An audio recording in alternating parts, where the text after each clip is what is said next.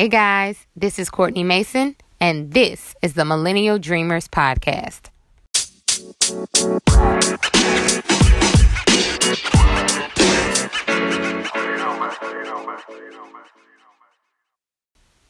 Today's topic is about negotiating. We spend a great deal of time at our respective jobs, but many of us have felt unhappy at one point or another with our work lives, and we suffer in silence instead of doing something about it. Negotiating is the way that you get what you truly desire out of your work life. But before we begin, I like to challenge you to not only think about negotiating with regard to your salary. There are a number of different aspects of your job that you can discuss with your employer. Studies have shown that millennials value flexibility over a bump in pay. So, young mothers may prefer to negotiate hours. And instead of working a traditional nine to five, you may consider asking to work seven to three or eight to four.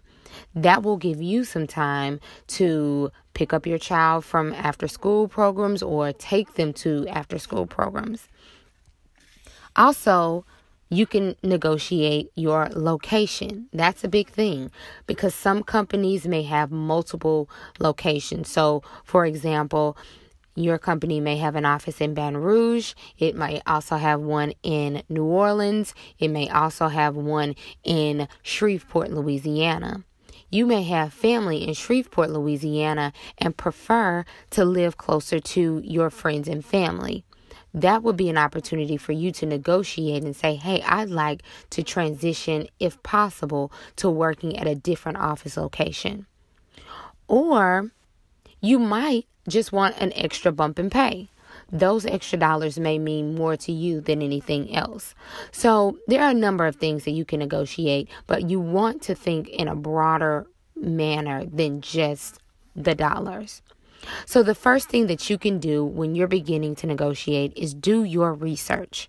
Before you go in and request anything, you want to know exactly what you want.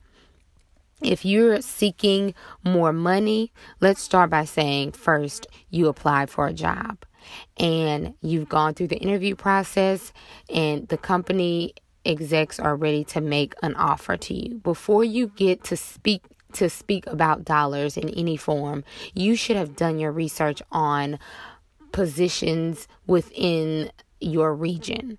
So think of a similar position with a different company.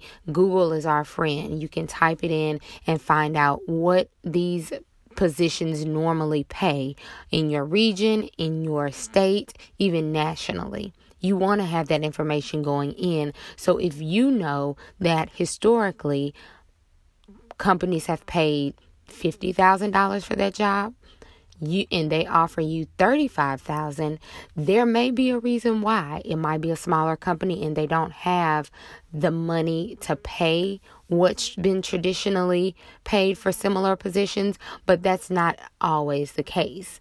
So, if you have that knowledge and you can go in and say to them, okay, they give you an offer and you say thank you let me let me think about it for a little while you can go back to them and say you know this is what i found for other similarly situated um, positions within the field you know could i possibly request you know x amount of dollars a bump in um the prospective salary. You can do that because you know the information or you know what that salary would be. Also, if you've worked in the position for a while and you understand how much your work and you've done a great job, you know how much your work has impacted the company's bottom line, then you can use that after you've gone through reviews and and your employer and your boss really trusts you, then you can use that after you've worked for some time to say, you know, I'd like to discuss a possible raise with you having done your research and knowing about what you know are paid if you're just getting a job what what other companies are paying and then also what would be a reasonable and appropriate amount to request when you've worked in a position for some time and you know that you have done well enough to impact the company's bottom line and and they value you as an employee Secondly, you want to schedule a time to meet with your supervisor or your superior. Depending upon your office culture, you may have a very lax office culture where you can kind of go in at the end of the day and speak with your boss and say, Hey, do you have a minute? Can I talk with you?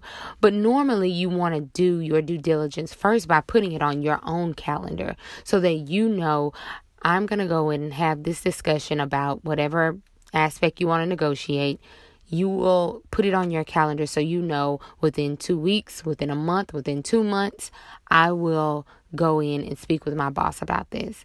But then you also want to give them a heads up if your office culture is a little more formal and your boss may have a busy and hectic schedule. It's nice to give them that courtesy and that heads up to let them know that you want to speak with them whenever they have a free moment so that they'll know, hey, I need to carve out some time for um, this person to discuss whatever issues that they may be having or concerns that they may be having. So you also you want to do that. Schedule it on your calendar as well as your boss's calendar, depending on your your um, office culture.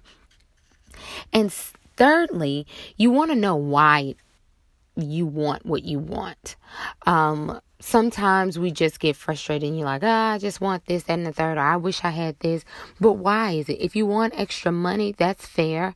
Um, you know, what's the reason? You could be because you worked hard and you deserve it.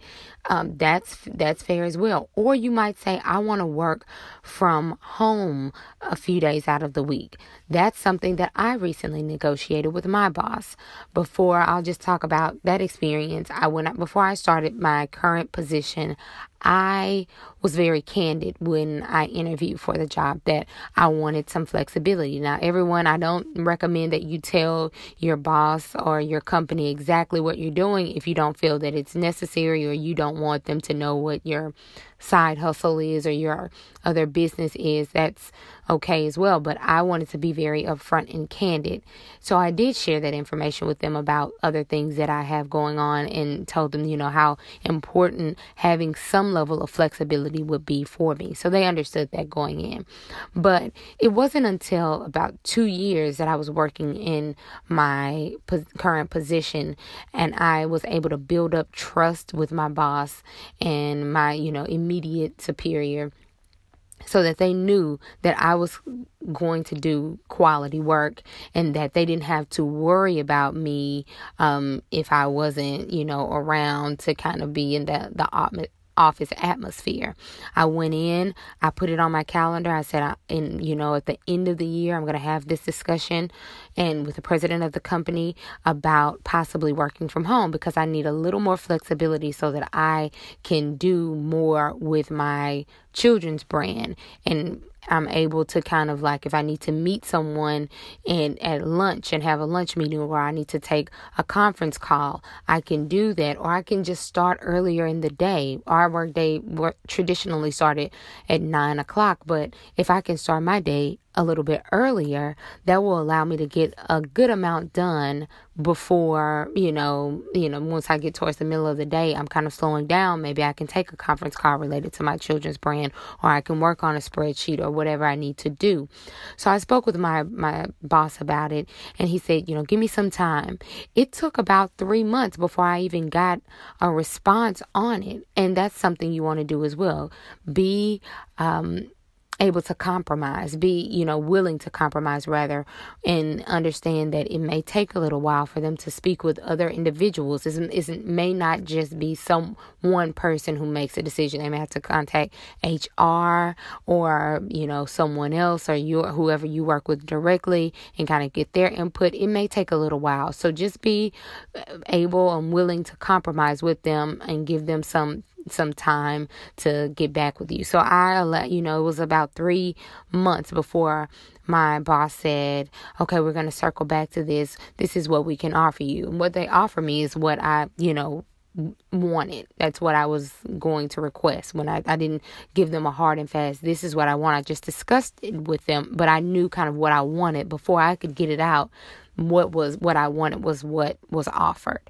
So I was very grateful about that. But what I did prior to even making an ask was I created a level of trust with the work product that I put out and so that they knew Courtney's a hard worker. She's going to go and do what she needs to do. She's not going to use this time where working from home where she can go and parlay on vacation somewhere and not do the work. She has a legit reason and we understand it and it's, you know, it's fair and it's not going to affect or impact the day-to-day work that she does. So we value her as an employee. We are going to, you know, work with her and kind of um, allow her request. So it had I not asked for that, that's something that wouldn't have happened. You have to kind of create the thing that you want because um, it's no one's going to read your mind. No one knows that you're unhappy in your work situation unless you tell them. You don't necessarily have to say, "Hey, I'm not happy here," or "I'm I'm I'm complaining about this, that, and the third. You don't have to say that,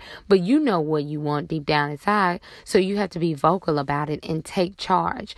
Women, especially, and studies have shown this as well, that women historically don't negotiate as much as men do. We don't ask for what we want.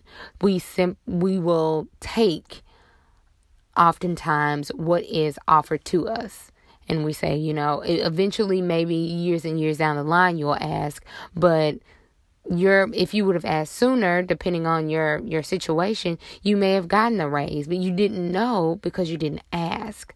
So being more confident in that is what will allow us to get what we truly want. And that's something i want to um i wanted to drive home because i know for myself that's historically that's how I was. I just kind of went with the flow. But then I thought about it. I read a lot of articles and I talked with a lot of other professionals and, and they basically say, you know, your employer nine times out of ten expects you to negotiate with some aspects of your job. So go in with that idea and the worst that they can tell you is no.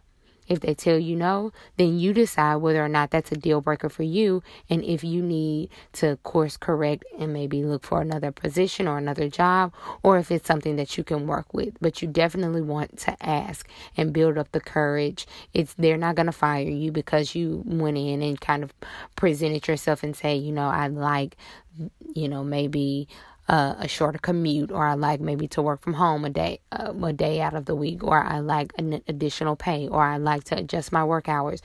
Nine times out of ten, your employer is not going to say we're firing you because of this. It's a simple request. So be sure that you don't be intimidated by that. We have to stand up for what we want and ask for what we want.